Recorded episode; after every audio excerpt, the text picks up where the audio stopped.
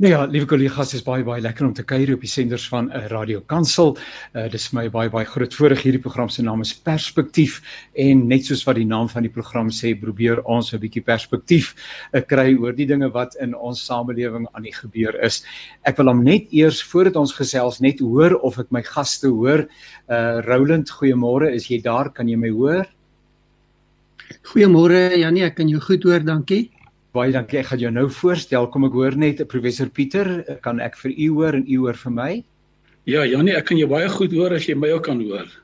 Ek hoor vir u en baie dankie dat uh, dat ons daai uh, uitdaging, daai tegnologiese uitdaging waarmee ons almal worstel, dat ons dit kon oorbrug. En uh, professor Swela, uh, kan u vir my hoor? Audio is goed en die video is mooi fantasties wonderlik en ek sê baie dankie vir Mpo wat vir ons help in die tegniese versorging van hierdie program. Soos reeds gesê, die program se naam is Perspektief en daar is soveel dinge wat in ons samelewing gebeur. In baie keer verloor ou doodgewoon net perspektief of jy sukkel om al die stemme op 'n manier te integreer wat vir jou sin maak en wat vir jou iets gee waarmee jy kan werk, waarvoor jy kan bid op 'n intelligente wyse, waaroor jy kan praat, ook tussen vriende. En dinge ontwikkel so vinnig dat dit wat gister relevant was, is vandag al ou nuus. Voordat ons by ons tema en ons sprekers, ons medewerkers kom, net eers hierdie uh, advertensie flitsie of hierdie kennisgewing. Nasionale Testamente Week vind plaas vanaf 12 tot 16 September. En gedurende hierdie week bied prokureurs wat by die prokureursorde reg oor die land uh natuurlik geregistreer is, die geleentheid aan die publiek om gratis um, 'n um, testament te laat opstel en hier by Radio Kansel en Radio Kaapse Kansel in samewerking met Atu die Atu groep kan jy ook nou 'n uh, gratis jou testament opstel. Vandag gee ons 'n teikenlaat geskenkbewys ter waarde van R1000 weg. En as jy 'n aanmerking wil kom vir hierdie lekker prys, moet jy vir ons sê met watter groep Radio Kansel en Radio Kaapsel Kansel saamwerk om gratis testamente op te stel. Stuur 'n SMS met jou naam en jou antwoord na 37871 en standaard tariewe geld. SMS met jou naam en jou antwoord 37871 standaard tariewe geld en met so 'n R1000 geskenk bewys uh, kan 'n mens natuurlik 'n uh, paar drome verwesenlik. So 'n uh, baie sterkte ook uh, daarmee. Ek uh, stel dan nou meer formeel uh, ons uh, uh, medewerkers aan vanoggend se program aan julle voor. En kom ek begin weer by uh, Roland. Goeie uh, Henwood goeiemôre Roland. Hy is verbonde Universiteit van Pretoria by uh, uh, Uh, politieke wetenskap. Maar Roland soos gesê het soos wat die dinge in die samelewing verander so verander uh mense se persoonlike kontekste ook. So vertel vir ons sommer net wat is tans op jou spyskaart Baie dankie Janie en goeiemôre aan almal. Ja, maar die gewone akademiese program op die stadium, um, ons is besig met lesings in die tweede semester. Ons is so halfpad deur die tweede semester van die jaar. Um vinnig op pad na die eindeksamen. So daar's baie druk op almal om werkstukke in te gee, om skripsies en verhandelinge klaar te maak en in te dien. Um en dan natuurlik maar die normale ander administratiewe verpligtinge wat saam met so 'n proses gaan wat ons redelik vashou op die stadium. So dit is maar die die normale dagverloop wat ek my mee besig hou op tans. Baie sterkte daarmee en dankie ook dat jy te midde daarvan tyd inruim om saam met ons en die luisteraars te kuier. En dan uh, professor Pieter Labeskagni en hy is 'n emeritus professor by die Universiteit van Suid-Afrika, maar toe ek nou vanoggend vinnig met hom met ons skakel oor een oor een van 'n saak toe sê ek's besig met 'n M student. So dit lyk nie vir my van die emeritus kom daar verskriklik baie nie professor Pieter. Ja nee ja, nee mense is dankbaar daaroor weet aftrede bly maar met, vir mense mate van spanning nadat mense nou soos Roland vir baie jare weet aktief besig was en ek is in die gelukkige posisie dat ek na my aftrede die die emeritus posisie gekry het, maar ook dat ek nog steeds 'n kontrak met my departement het. So ek het nou die een magister student, maar ek het 'n 'n taamlike aantal honeur studente wat ook soos by Roland nou hulle skripsies ingehandig is en dit moet nagesien word. So ek is baie dankbaar dat ek amper 5 jaar na my aftrede nog steeds aktief betrokke kan wees want aftrede kan 'n taamlike spanning wees want dit is 'n 'n leegheid as 'n mense vir soveel jare aktief betrokke was en ewe skielik het jy nie weer daardie verpligtinge nie. Ek is baie dankbaar om dit te kan sê. Professor Pieter Beskag nie baie dankie vir die tyd wat u inruim en uh en dan uh, professor um Erwin Schwella en uh ek kry so baie kommunikasie van hom en dan sy besig met nog 'n ding en nog 'n ding so ek lyk vir my die energie is ook nie daar uh enigstens te soek en daar's 'n klomp energie. Goeiemôre aan u en waarmee is u tans besig? Wel ek het 'n uh, 'n klomp projekte aan die gang. Ek uh, is besig om 'n dink ek 'n relatief breë en diep uh, sosiale innovasie ekosisteem te bou en spesifiek 'n uh, ekosisteem wat gekoppel aan geloofsgemeenskappe. Geloofsgemeenskappe baie breed gedefinieer, interdenominaal en selfs intergeloofsgroepe waar ons wil kyk of ons die uh, publieke waarde uh, wat 'n konsep is wat my kollegas by Harvard gebruik, uh, as dit ware kan um, skep en deel op 'n effektiewe en etiese manier. Ehm um, en tussendeur is ek ook 'n emeritus professor by die Regskool van Tilburg Universiteit. Baie trots om te kan sê hulle is nou die 20ste beste regskool in die wêreld. En uh, my ou kollegas by Leiden is nie so gelukkig daaroor nie, want hulle het Leiden verbygesteek. En dan ook uh ehm um, die dekaan by die skool vir sosiale innovasie uh by Huguenote waar ons 'n baie innoverende benadering volg om uh om 'n kennisorganisasie te bou. So wonderlike goed um, op verskillende vlakke en met verskillende fasette. Nou ja, uh, Roland, jy uh, het nog 'n pad om te loop om by die status van die twee professore uit te kom. Uh, uh maar as ek hulle so kyk, dan lyk hulle baie goed vir uh, afgetrede of dan nog geëmeriteerde profes professors. So die hoop beskaam nie en uh, ek spot nou maar sommer ek self is 'n emeritus dominee, 3 jaar al uh, met 'n uh, pensioen, maar baie besig en dit is my voorreg en toe ek die afgelope week bietjie gimnasium toe gaan Toe gesels ek met 'n jong man en ek vra vir hom hoe oud is jy? Hy sê 19. En ek trek hy stout skoene aan en ek sê nou sê vir my en hoe oud jy dink is dink jy is ek? Hy sê 46. Ek sê ek maak van jou 'n lewenslange vriend. so, nee wat dit is in elk geval sommer net ietsie wat binne 'n ou se kop is die nie waar nie. Nou Ehm um, ons gesels met u oor 'n allegaartjie van uh, dinge wat die afgelope tyd in die nuus was en een van die groot sake wat eintlik uh, komende maandag sy hoogtepunt sal bereik met die teraardbestelling, die begrafnis van uh, koningin Elisabeth II uh, in Brittanje uh is die hele saak van die uh Britse koningshuis en alles wat daarmee gepaard gaan uh is baie sterk in die branding in die media daar word daagliks daaroor geskrywe. Um, uh, sommer net u hoe dink u daaroor u perspektief uh in die verband veral in die lig van 'n artikel uh, of 'n bydra wat ek vanoggend raak gelees het op netwerk 24 uh, wat geskrywe is deur 'n dame en ek sal nou nou op haar naam kom hier tussen alles Karla Loos en uh, sy sê kon die koningin nie maar net jammer gesê het voordat sy gesterf het nie so uh, en dan uh, uh, sluit sy ook af en sy sê Ehm um, miskien is dit ook die einde van 'n arrogante en 'n bevoordeelde instelling waarvan die funksie lankal uitgedien is. So daar is verskillende perspektiewe. Aan die ander kant word die lewe van uh hierdie dame uh wêreldwyd besing 70 jaar uh, wat sy op die troon was. Ons hoor 'n bietjie u perspektiewe. Kom ek begin nou op 'n uh, omgekeerde orde. Ek begin by professor Erwin asseblief. Die res van die volk dan sommer net soos dit op die hart is. Ek dink die beste manier om te begin is is die koningin is dood, lank lewe die koning. Ja. Ehm uh, ek dink uh, dit dit vat 'n bietjie die die hele ethos en uh praksis van wat gebeur in monargie um, en spesifiek dan nou in grondwetlik gefundeerde monargie waar daar sterk simboliese waarde is aan die monargie as 'n soort uh, stabiliserende faktor in die samelewing in elk geval vir daardie samelewing. En ehm um, en uh, wat die wat die koninklike gesag ook op 'n manier ehm um, ingekort is deur grondwetlike bepalinge, konvensies ehm um, en interessant genoeg die die Britse uh staat, uh, die Verenigde Koninkryk ehm um, het nie 'n geskrewe grondwet nie, maar daar's 'n hele aantal baie interessante tradisionele konvensies wat juis hierdie simboliek bevestig. Ehm um, So dit is iets waar waar waar daar mense kyk uh, in terme van die uh, politieke dinamika en die regeerdinamika daarvan.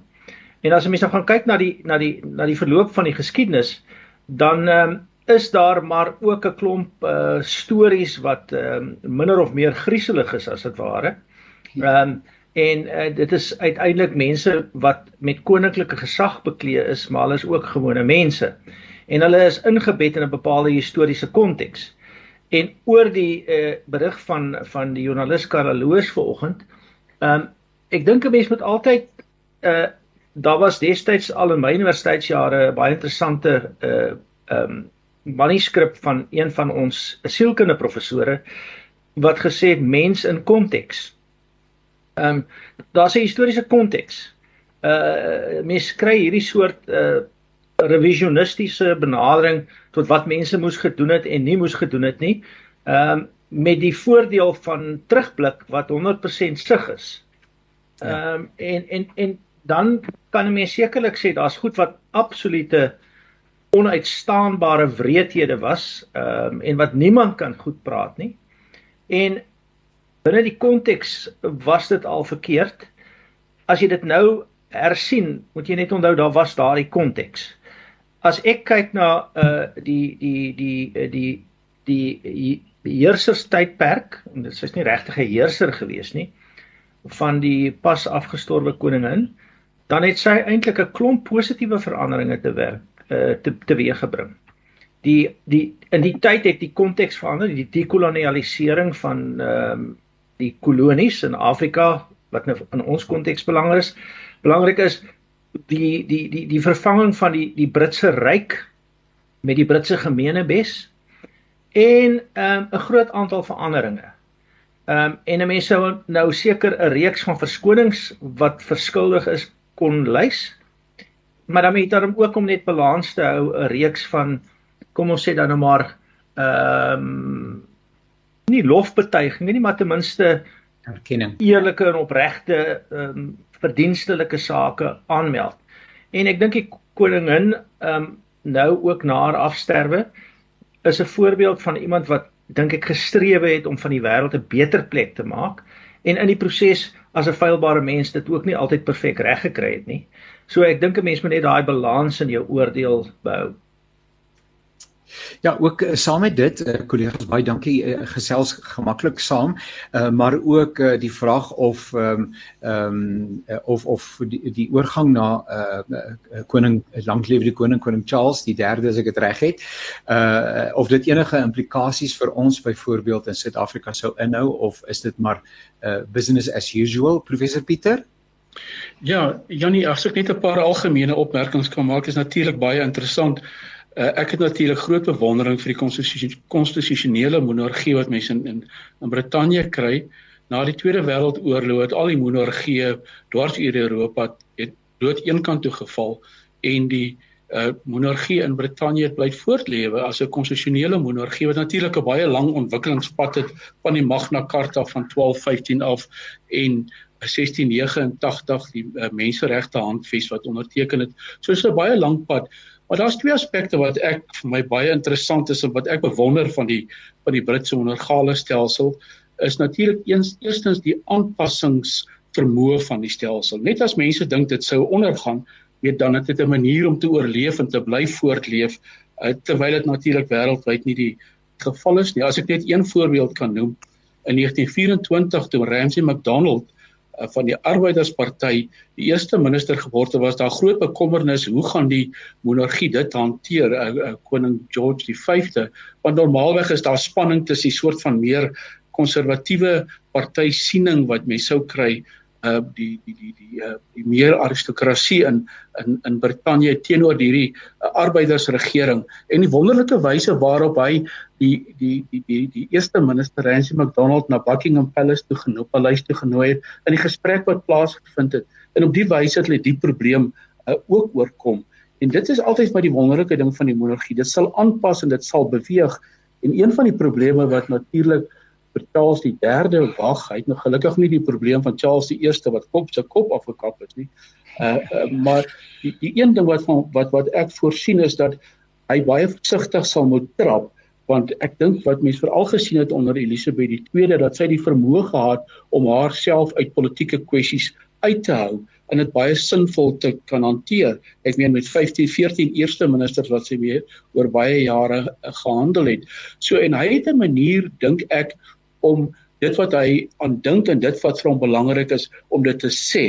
En en en daar sou mens baie versigtig moet wees want dit die die ander aspek dit bring my by die ander aspek wat ek oor wou praat wat ek bewonder het van die Britse uh, monargale stelsel is daardie kontak tussen die eerste minister en die koningin en die weeklikse audisies wat plaasvind tussen hulle twee en die groot korpus raad wat wat Elisabeth tweede gehad het om vir eerste ministers wat onder haar gedien het sy heers en hulle regeer uh, kon sy hulle oor baie jare kon sy hulle met raad en daad uh, nie nie daad nie maar met raad kon sy hulle bedien wanneer hulle hulle hulle sessies gehad het en die inligting wat daar uitgeruil het uitgeruil is het mense nooit van gehoor nie want dit is natuurlik baie vertroulik uh, beskou. Maar dit het 'n kalm, kalmerende invloed gehad dink ek op die politieke stelsel want dit het 'n soort van 'n insig gebring wat wat 'n mens nie maklik kry in 'n doodgewone dinamiese politieke stelsel soos by ons nie so In daai opsig het ek nog altyd hierdie bewondering gehad vir die Britse monargie en die manier wat hulle hulle self kon aanpas en bly oorleef oor tyd. Maar ek dink die groot en belangrike toets wat gaan aanbreek is dat hoe Charles dit gaan hanteer. Jy weet en en dan natuurlik die hele kwessie en ek dink dis 'n baie belangrike punt wat nou net voor my genoem is, is dat mense moet altyd kyk na die politieke konteks waarin iets plaasgevind het. Want dit is baie gevaarlik dink ek as 'n mens begin aandrang aandring om op verskoning te vra. Ek sien dat die dat die uh die Nederlandse regering uh, is nou op die punt om om verskoning te vra oor hulle aandeel in die slawehandel en daar's 'n groot repriaas bedrag geld wat gaan betaal word as skadevergoeding vir die skade wat slawehandel sou aangerig het in die 1600s. So ek meen dit open 'n amper 'n tipe van 'n Pandora boks want ek meen hoe ver gaan 'n mens dan teruggaan met hierdie weet verskoning vra vir dit en dat en die, in die ander jy weet dit mens bevoel so verskoning vra die Duitsers destyds toe hulle Rusland binne geval het en dit wat gebeur het onder die Russiese burgerlikes en dan weer die ander kant van die munt wat in Duitsland gebeur het toe die Russe begin inbeweeg het. So dit is 'n baie moeilike en 'n sensitiewe saak en ek dink mense die wysheid van Salomo regtig waar nodig om hierdie saak te kan ontrafel. Ja, Roland, die die die begrip net in aan uh sluiting by dit wat uh, die twee professore gesê het. Ehm um, net die begrip konstitusionele monargie. Uh mense sê hom amper moeilik. Uh wat beteken dit in die praktyk? Uh dankie Janie. Ja, ek ek wil aansluit by my kollegas um die die belang van die konstitusionele monargie en dit is waarskynlik ook die behoud van die Britse stelsel wat Pieter nou so mooi uiteengesit het is die beginsel dat werklike politieke mag sentreer in 'n demokraties verkose regering en jou monargie is die simboliese staatshoof die saambinding van dit wat die staat en sy mense natuurlik simboliseer en en dit het 'n baie belangrike simboliese maar ook 'n praktiese funksie en dat dit die stabiliteit, die kontinuïteit bied wat Pieter so mooi beskryf het. Ek dink die belangrike wat uitstaan hier is dat mens konteks moet verstaan. Daar word gereeld en veral in die afgelope dae weer baie sterk afwysende kommentaar gelewer op die Britte wat nie 'n grondwet het nie wat nou op 'n ondemokratiese manier 'n nuwe staatshoof kry. Daar was nie 'n verkiesing nie. En dit dui vir 'n mens op enerzijds 'n onbegrip van die stelsel, maar ook 'n onverdraagsaamheid teenoor die tipe stelsel wat hier bestaan. En dit is wat konteks so belangrik maak. As jy nie die konteks, die geskiedenis daarvan verstaan nie, dan kan jy baie maklik oningeligte kommentaar lewer en ek dink dit is tot 'n groot mate wat ons nou sien gebeur. Um daar's ook verwys na die hele kwessie Irwin het dit aangeraak van revisionisme, 'n herinterpretasie van die geskiedenis vandag van dit wat 100 of 200 of selfs 300 jaar terug gebeur het. Dit is natuurlik baie maklik om dit te doen, maar dit is baie onverantwoordelik om dit te doen. En ek wil 'n praktiese voorbeeld maak. Van die mense wat baie afwysende kommentaar lewer oor die manier wat die Britse monargie hanteer en optree en die invloed wat hulle het, is mense wat baie sterk voorstanders is van die verskillende monargieë wat ons in Suid-Afrika het. Ehm um, dieselfde kommentaar is nie onlangs gelewer met die kabal wat wat saamgegaan het met die ehm um, nuwe die aanwys van die nuwe Zulu koning nie. Wat in die hof gedraai het, wat in die politieke raadsale gedraai het, wat die presidentsie ingesleep het. En ek dink daar moet 'n mens baie versigtig wees om die geskiedenis uit die oog te verloor, maar ook die konteks uit die oog te verloor. Ehm um, en dan die ou beginsel van wees versigtig as jy as jy begin vingers wys of klippe gooi. Ehm um, want waar staan jy in hierdie proses?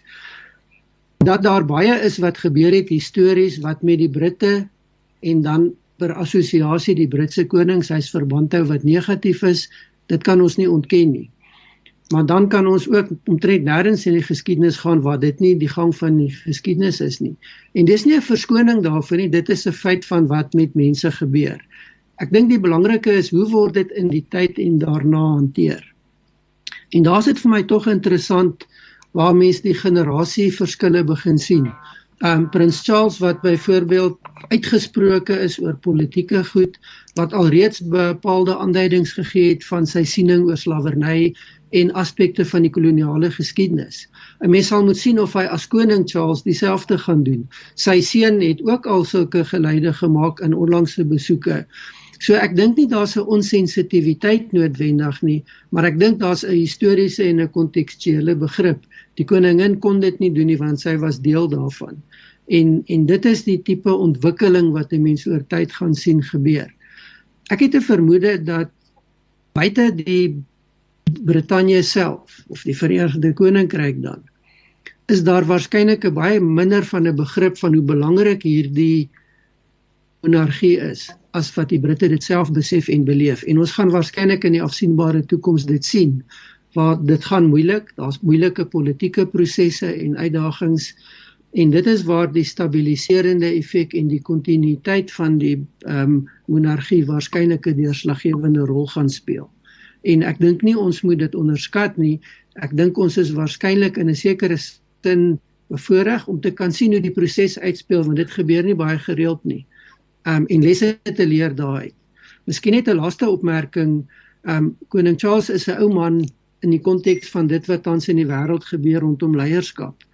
En dit sal tog interessant wees om te sien of dit ander soortige gevolge en benaderings gaan hê as wat ons aan gewoond begin raak het. Um, miskien net 'n historiese parallel interessant dat dieselfde in die FSA gebeur met die oudste president nog ooit.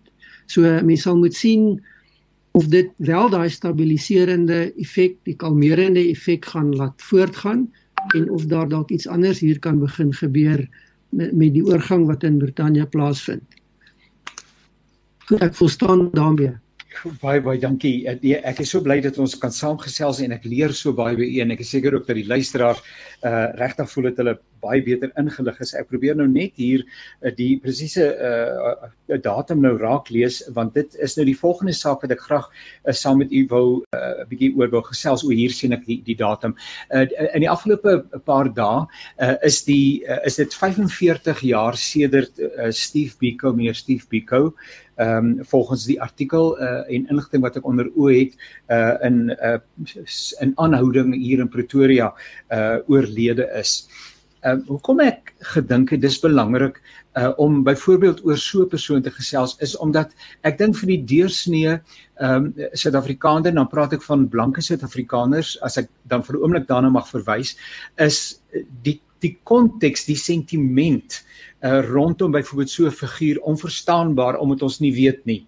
En en vice versa. En as ons wil bou aan 'n Suid-Afrika waarin daar respek en agting uh en begrip vir mekaar is, sal ons ook moet kennis neem van mekaar se helde, mekaar se mentors, mekaar se voorgangers en ten minste respek en agting en deernis sal hê met ander mense se oortuigings. So dit is die die rede ook terwyl van ons luisteraars hoe ek gedink het, kan ons vir 'n oombliekie gesels oor 'n persoon wat vir 'n groot deel van ons samelewing, waarskynlik die grootste deel van ons samelewing, ehm um, uh, baie sagte emosies ontlok wanneer oor hom gepraat word. So ek wil vir u vandag vra, uh wie is meneer Steve Biko?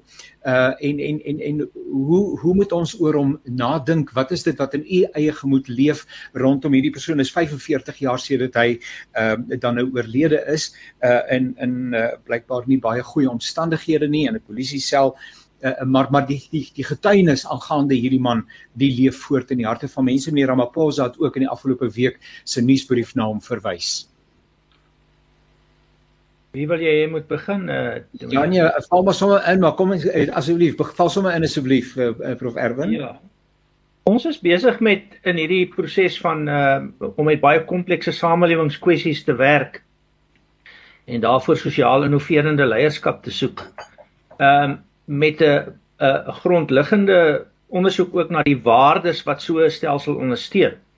En die waardes wat ons op die oomblik kon in 'n sekere sin deur 'n deur 'n siftingproses by uitkom, is die waardes van integriteit, empatie, deernis en wederkerigheid.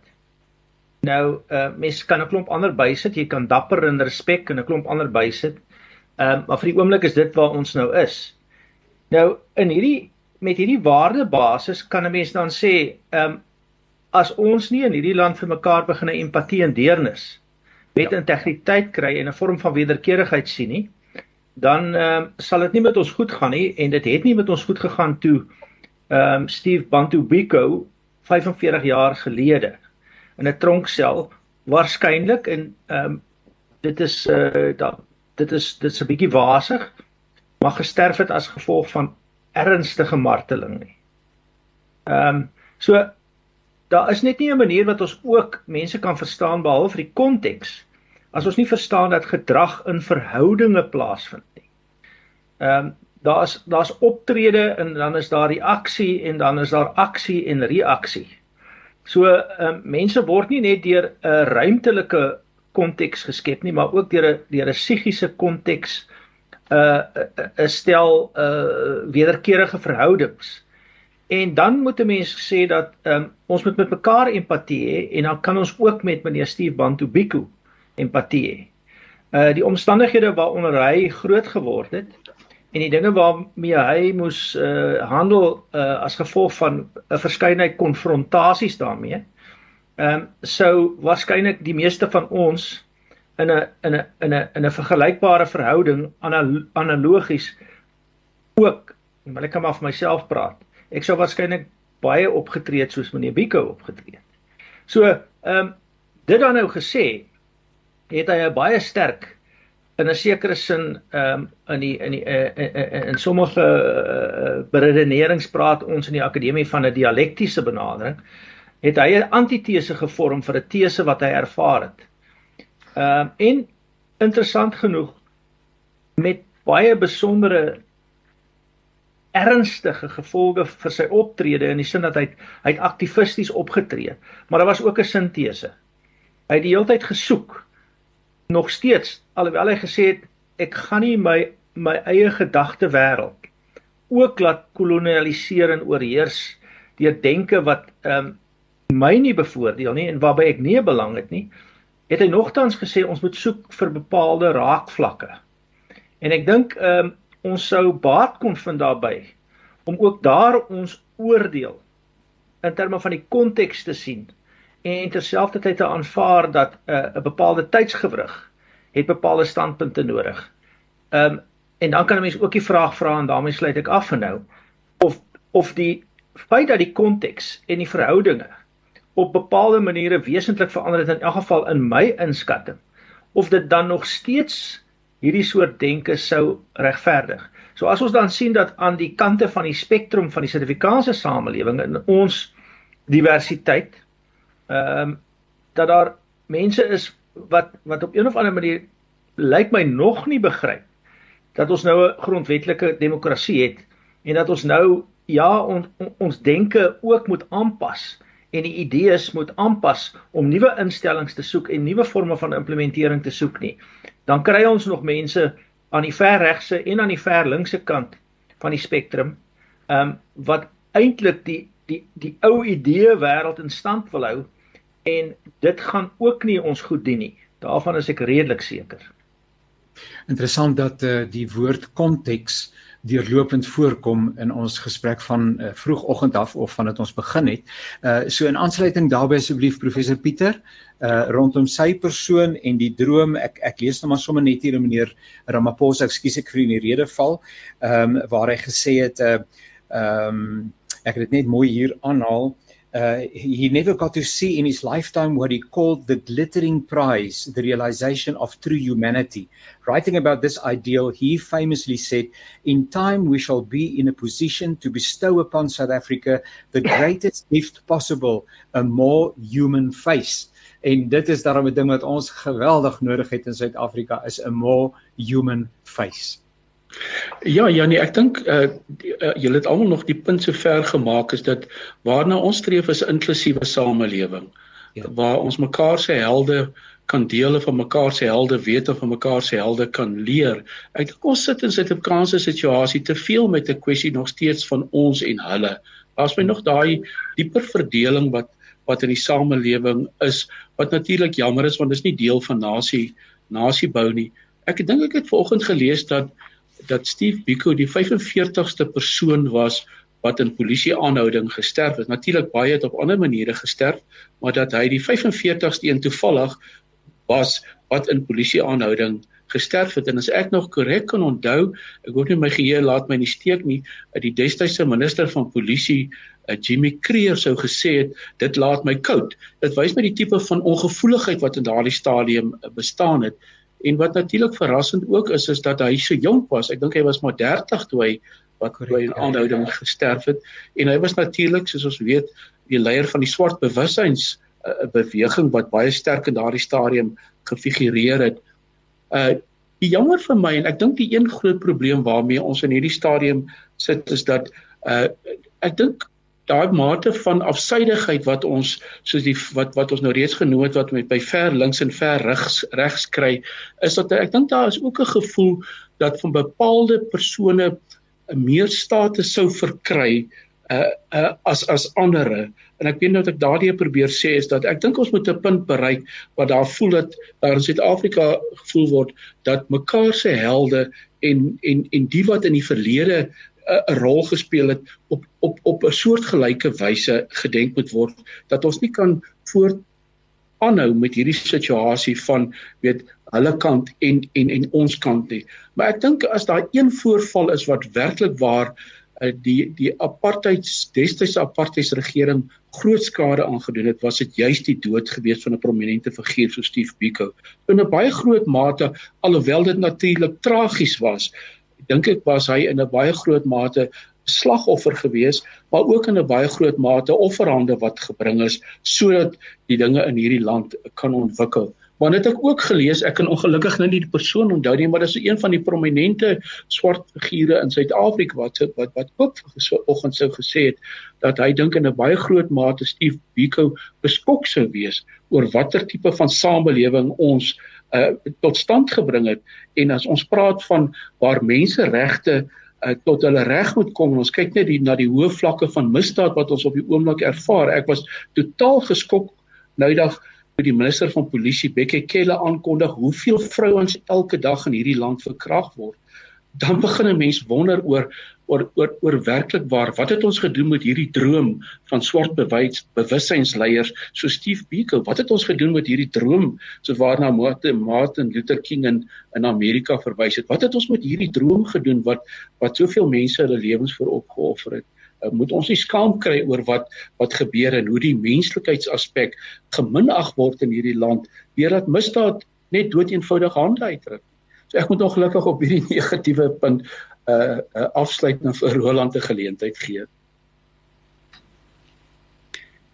Uh, as ek mag aangaan, dankie Pieter. Ja, ek wil net aansluit. Ek dink mense moet ook net gaan kyk waarvoor het Steve Biko gestaan en wat was wat is dit wat mense so beïndruk maar ook so bang gemaak het vir hom want as al twee daardie groeperinge in 'n historiese konteks. In in wese was sy argument gewees dat hy is 'n mens wat in eie reg die reg het om te bestaan en 'n goeie lewe na te streef en dat buite die konteks van binne die konteks van kolonialisme en apartheid kan jy nie daai bestaan voer nie. Kan jy nie daai ontwikkeling en vryheid as 'n mens hê nie. So hy het baie sterk klem gelê op 'n selfverantwoordelikheid, 'n opneem van 'n verantwoordelikheid om daardie ideaal van vryheid en volle menswees tot uiting te bring. Nou daar's natuurlik baie meer wat daarmee saamgaan, maar dit is die essensie vir my van wat Steve Biko beteken. En dit dit maak hom vandag net so relevant soos in die verlede. Want kom ons wees eerlik, ons het baie dinge in Suid-Afrika sien verander, dalk help verander. Maar as ons terugkyk, dan is baie van daardie ideale wat Biko aangehang het, het eintlik niks van gekom nie of baie min van gekom. En en dit is die punt wat Pieter maak dat waarskynlik sou Biko geskok wees om te sien wat het in hierdie bevryde Suid-Afrika gebeur en wat is besig om hier te gebeur.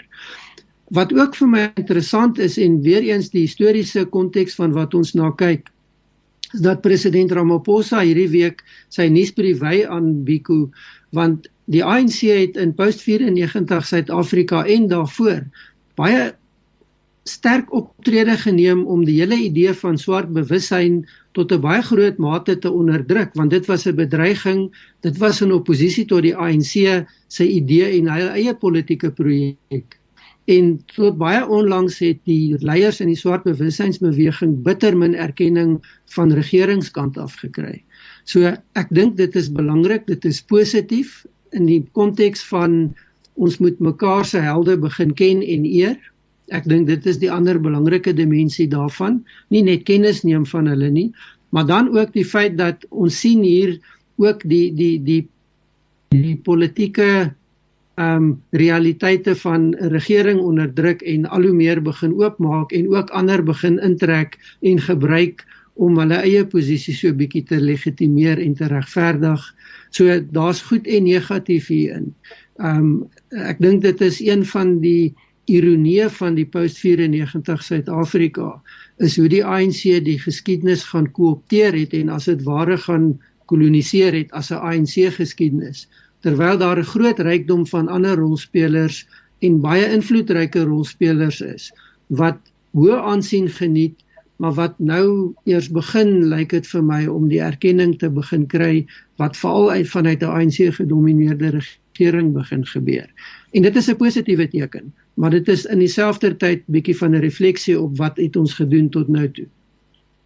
Nou uh, baie baie dankie. Ek ek herinner net ons luisteraars hier luister na die programme van Radio Kansel. Hierdie program se naam is uh, uh Perspektief.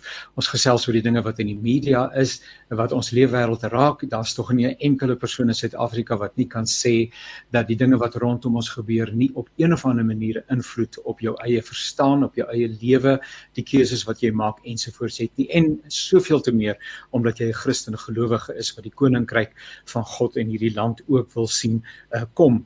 Uh, ons tyd gaan waarskynlik vir ons toelaat om nog oor een saak te gesels. Uh, ek het so baie wat ek graag met u sou wou deurpraat. Uh, maar uh, meneer Ramaphosa het in die afgelope tyd in Limpopo opgetree daar by 'n stadion twee opmerkings gemaak. Uh, en ek wil 'n bietjie hoor hoe dit u oor daardie opmerkings dink. Uh, my vraag is of dit dalk 'n bietjie idealisties is wat hy daar gestel het. Dit is baie pragtig, maar is dit dalk 'n bietjie idealisties of uh, hoe dink u daaroor? Die een is dat korrupsie uh, nie weer staatskaping ekskuus tog nie weer sal plaasvind nie en uh, en die die die hele uh, uh, artikel en die hele saak sluit af waar, waar hy sê dat die ANC sal daarvoor sorg. Ehm um, maar met die hele saak van staatskaping, uh, korrupsie uh, en alles wat daarmee gepaard gaan. Ehm um, uh, die tweede saak is uh, en in die Afrikaanse weergawe van sy toespraak het hy na die dorpe waardeur hy gereis het waarskynlik of waar hy aangedoen het op pad na daardie byeenkoms het hy uh drie keer die woord smerig gebruik. Die dorpe is smerig, smerig, smerig en dit moet opgeruim word. Uh is dit idealisties dat hierdie dinge gaan plaasvind of moet ons nog baie baie ehm um, uh geduld hê? En natuurlik, wat sê dit van die plaaslike gemeenskap en die verantwoordelikheid wat dit ook op hulle skouers uh, rus wat in toenemende mate ook uh, opgeneem word. Kom ek begin die slag by professor Pieter net ter wille van uh, van van 'n uh, vars benadering. Janie ja, ek dink in 'n baie groot mate is dit 'n naïewe wyse om daaroor te dink dat jy korrupsie totaal sal kan uitroei. Korrupsie sal altyd daar wees. Korrupsie vind ook in ontwikkelde lande plaas. Dit sien net in Suid-Afrika nie, dit gaan oor die vlakke van korrupsie, maar daar is natuurlik as dit hoë vlakke van korrupsie is, kan dit naderhand oorbeweeg na staatskaping toe. Maar waar lê die verskil?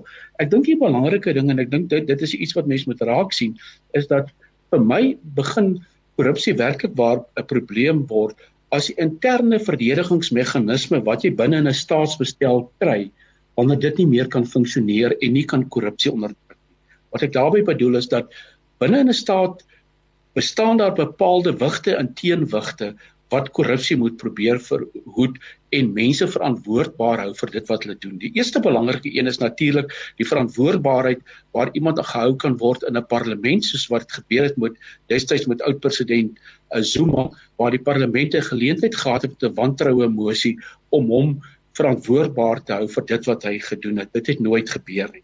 Dan het jy jou parlementêre komitees, se oorsigkomitees wat 'n oorsigfunksie het. As hulle nie hulle werk ordentlik doen nie, dan dis soos keerwalle, dan spoel hierdie korrupsie net oor. En dan jy natuurlik jou jou ek dink is hoofstuk 6 instellings jou openbare beskermer, die ouditeur-generaal. As hulle hulle werk doen, dan kan jy korrupsie wat ek noem binne beheerbare vlak hou. Maar as daardie meganismes nie goed funksioneer nie, jou parlement, jou oorsigkomitees, jou openbare beskermer, die ouditeur-generaal, kan jy korrupsie binne beheerbare vlakke hou. Uh, en en en ek dink dit is wat nie in Suid-Afrika gebeur het nie. Daardie verdedigingsmeganismes, daai wigte en teenwigte het nie hulle werk gedoen nie. So as uh, president Ramaphosa daardeur bedoel dat die wigte en teenwigte in die land so versterk gaan word en dat die nasionale vervolgingsgesag sy werk ordentlik doen sodat ons mense vir die eerste keer in oranje oorpakke kan sien, dan sal ek sê ja, ek dink mense sal dit binne beheerbare vlakke kan.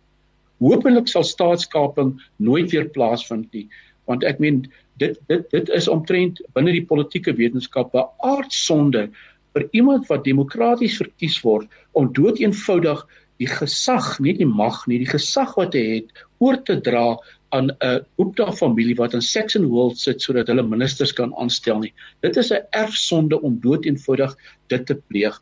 En dit gaan oor een ding, dit gaan oor integriteit en die moraliteit van 'n regering om dit nie toe te laat. En hopelik sal ons in die toekoms uh, politici sien wat moraliteit en integriteit 'n baie hoë premie daar. As dan sal staatskaping nie weer uh, plaas vind nie. Ek net 'n laaste punt dat ek dat die ander sprekers ook 'n kans kan gee dit is werklik ware 'n probleem. Ek hou daarvan om na my ou tuisprovinsie die Vrystaat eh, te reis. In die skokkende toestand van paaie, jy kry nie eers die geleentheid in meeste van die dorpies om na die huise te kyk nie, want jy's net heeltyd besig om slaggate te sy stap. Dan praat ek nie eens van die van ander probleme nie. So dit is werklik 'n probleem. En die groot probleem in munisipaliteite en dit het president Ramaphosa ook uitgewys is dat die amptenare wat betaal word om dit te doen gebruik geld om uh, adviseurs of wat mens hulle ook al kan noem dit dit uit te kontrakteer om die werk te doen wat in elk geval dan ook nie ook nie doen nie. So dit is 'n geweldige probleem en en en korrupsie ook is 'n groot probleem binne jou munisipaliteite, maar ek wil eers daarmee volstaan. Roland, kom ons gee vir jou geleentheid en dan gaan prof Erwin waarskynlik die laaste woord uh, spreek. Dankie. Ek ek wil twee aspekte uitlig waarom ek dink um, president Ramaphosa is naïef in die manier wat hy sy argument aanbied. Uh die eerste is dat ons gaan ons weet die boei wat um, regter Zondo nou weer veroorsaak het deurdat hy gesê het staatskaping gaan nie gekeer word op die manier wat die parlement en ander instellings tans funksioneer nie. Nou dit sluit aan by wat Pieter gesê het. Die die die die instellings soos die parlement en die ander moet effektief funksioneer en daar moet effektiewe prosedures en ook gevolge wees vir oor ernstige oortredings. Ehm um, regter Zondo wat nou die kommissie gelei het wat die verslag gepubliseer het, is van mening dat staatskaping in die toekoms nie gekeer gaan word op die manier wat ons funksioneer nie. Die tweede aspek wat vir my wat ek uitlig en ek is jammer, dis nou 'n bietjie negatief. Maar nou gaan kyk ek na leidende figure binne die ANC wat nog vertroue inboesem. Mense soos ehm um, Galema Motlanthe, die voormalige president, wat sê die ANC moet mag verloor en homself gaan herontdek voordat ons verby hierdie probleem gaan kom.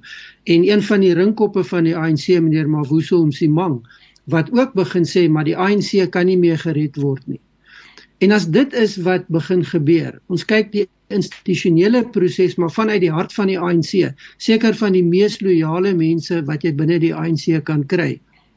Wat dit begin sê in die openbaar, dan dink ek moet ons baie mooi begin kyk en luister en anders begin optree. En dit bring my by die volgende punt. Dit is nie die regering se alleen se verantwoordelikheid nie, maar meer belangrik, dis nie binne die regering se vermoë om op die stadium hierdie proses te beheer nie. En dit beteken iemand en iewers anders moet dit begin gebeur. En dis natuurlik die burgerlike samelewing, die die pers, die regbank, al hierdie ander instellings gaan vir die afsienbare toekoms nog 'n baie groot rol moet speel. Dis reg om te sê ons moet begin kyk na wat om ons gebeur um, en nie net op die hoogste vlak nie. So 'n plaaslike regering dink ek is vir ons die simbool van alles wat verkeerd loop en skeefloop in Suid-Afrika. Daar is voorbeelde waar daai proses omgekeer is. Um die enigste voorbeelde in regering en die beste waarskynlik is die Wes-Kaap. Um waar waar goed nog op 'n ander en aanvaarbare manier grootliks gebeur. Maar daar's ander voorbeelde in die Vrystaat en ehm um, Noordwes provinsie waar gemeenskappe begin hande vat het. Ehm um, onderwysers, predikante, sakelei en geweldig baie begin doen het om dorpe reg te ruk en skoon te maak en op 'n ander basis te plaas. Ehm um, ek dink die die voorbeeld wat seker die meeste in die nuus is onlangs is Bethlehem, ag Kroonstad in die Vrystaat. Ja. Ehm um, so dit kan gedoen word. Ek dink ons moet wegkom van die idee dat die regering is die verantwoordelike en enigste party wat dit kan doen want dit gaan in die kort termyn ongelukkig nie gebeur nie. Uh, natuurlik dan nou ehm um, uh, professor Erwin uh, net twee sake wat waarna ek net vinnig dink uh, wat verband hou uh, meneer Ramaphosa ehm um, noem nie die belofte naamlik van uh, staatskaping uh, en wat daarmee saamhang uh, in 'n tyd waarin sy sy eie persoon iets wat onder verdenking is uh, hy iets wat van 'n integriteits verlies miskien beleef rondom Palapala en ook die tyd waarin die uh, publieke beskermer uh, dan uh, ontslaan is uh, wat tans in die howe draai uh, of gedraai het uh, so dit maak natuurlik sy uitsprake bietjie moeiliker om te verwerk. Ja, kom ons begin um, om so 'n goue draad deur te trek. Ek gebruik deesdae gereeld in my sosiale media kommentaar uh die volgende hitsmerk Ek vra maar net die vraag hitsmerk is this ubuntu. Ja, ja. Want as ons nou teruggaan na na na Steve, meneer Steve Biko toe, dan het hy 'n soort humanisme voorgestaan waarin daar die idee was dat ons met empatie en deernis na mekaar sal kyk en van die wêreld 'n beter plek maak. Ja. Wat sien ons in hierdie uh, korrupte en en totaal ehm um, verworde uh regeringsstelsel wat ons nou het? Ehm uh, ek sien nie eintlik en dit sluit aan by die punt wat vroeër gemaak is, 'n soort refleksie by die die die klomp kaders wat op een of ander manier die regeringsposte vul, gevoelens van Ubuntu nie. Of dit nou gaan oor die slaggate in die paaie en of dit nou gaan oor mense wat in ellelange rye sit en met absolute uh minagting behandel word deur amptenare by 'n SASSA kantoor soos uh ook in die Wes-Kaap gebeur as ons met nasionale dienste te doen het. Dan vra ek my die vraag af, waar is die integriteit? Waar is die empatie? Waar is die deernis? Waar is die wederkerigheid? En dit het dan ook uh aansluitend by wat Pieter gesê het, ehm um, van hierdie goed sal moet kom uit 'n soort van 'n 'n nuwe beweging van 'n morele herlewing van wat ook al jou idee wêreld is wat impak maak op jou gedrag en op jou gevoelens. Met ander woorde, ons sal 'n soort herlewing moet kry van van integriteit, van moraliteit, van professionalisme, ehm um, en 'n vorm van ehm um, 'n uh, trots wat ook kom uit 'n bewussyn van byvoorbeeld iets soos Biko se sieninge oor swart bewussyn. Dis 'n baie dis 'n baie lofwaardige tradisie. Ehm uh, so ons sal daai interne morele kompas en moraliteit en integriteit moet vestig. En dan terselfdertyd moet ons die eksterne beheermaatreëls baie sterker maak. Daar's geen gevolge nie. Ehm um, ons on, ons weet daar's ook ernstige institusionele gebreke, institusionele swigting, gebrekkige be, befondsing as gevolg van die geweldige hoeveelheid geld, as miljarde. Uh gewoon deur oneffektiwiteit aanvanklik en tweedens deur onetiese optrede verspil en vermors. En die implikasie is nou het ons nie die vermoë en die instellings om hierdie lofwaardige goed te doen wat in ons grondwet bepaal is nie. So dit word uiteindelik 'n kapasiteitsprobleem en selfs 'n hulpbronprobleem. En wat gebeur dan? En dis nou aansluitend by die tweede deel van die van die van die vraag. Dan sê die burgers um, in die sosiologie is daar 'n teorie van funksionalistiese alternatiewe. So as die as die munisipaliteit ons nie kan help nie, moet ons ons regtig self help. Ehm um, en dit is spesifiek waarna ons nou ook kyk in die hele as dit ware stel uh idees en institusionele vermoë en implementeringsvermoë rondom sosiale innovasie gedryf rondom gemeenskappe. Van die 1ste, nee, van die 30ste November tot die 2de Desember het ons 'n konferensie op Wellington. Uh en dit noem ons die Hitsmerk Integritas ZA konferensie oor gemeenskapsgebaseerde plaaslike regeringsalternatiewe. En die subtitel daarvan is analise aksie en aktivisme. Ehm um, en ons wil kyk daarna of ons op een of ander manier hierdie benaderings, onder andere die Kroonstad benadering. Uh daar's vergelykbare dinge in Bethlehem, daar's vergelykbare dinge uh lang langs Sandton. Ehm um, ehm um, onder andere iemand wat ons almal van kennis neem is is is is meneer Barend Legrandsie. Ehm um, wat ook in Senekal betrokke was. En dis een moontlikheid om dit so te doen.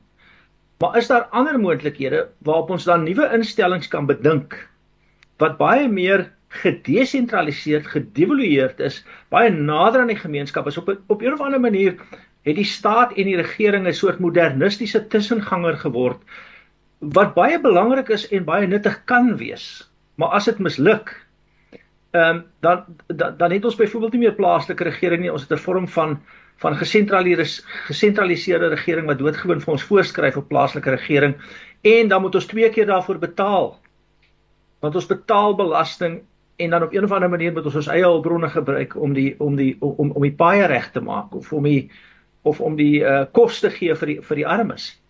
Ehm uh, so ons sal iets moet begine bedink wat ons konstruktiewe vermoë gebruik op 'n innoverende manier om 'n nuwe stelsel te bedink. En dit word 'n baie uitdagende maar ook 'n baie energerende stuk werk sodat ons nie toenemend op Saterdae aande kla oor 'n klomp goed en ek dink gewoonlik sê ek by wyse van 'n soort van 'n poging om snaaks te wees al hoe minder kook drink nie. Professor, baie dankie. En gaan ons nou afsny. Jy sien dit is 59 minute oor. Uh 11. Dis so lekker om saam met u te kuier. Roland Henwood, uh Pieter Labuskaghni, Erwin Shella, Shella, mag ons weer in die nabye toekoms verder gesels oor hierdie dinge. Uh mag uh die Here ook vir ons uh ontmoet op 'n besondere wyse en Christene instrumenteel wees om so 'n wêreld tot stand te bring. Seënwense vir julle. Baie baie seënwense aan die luisteraars. Tot 'n volgende keer. Alles wat mooi is. Dankie. Baie dankie.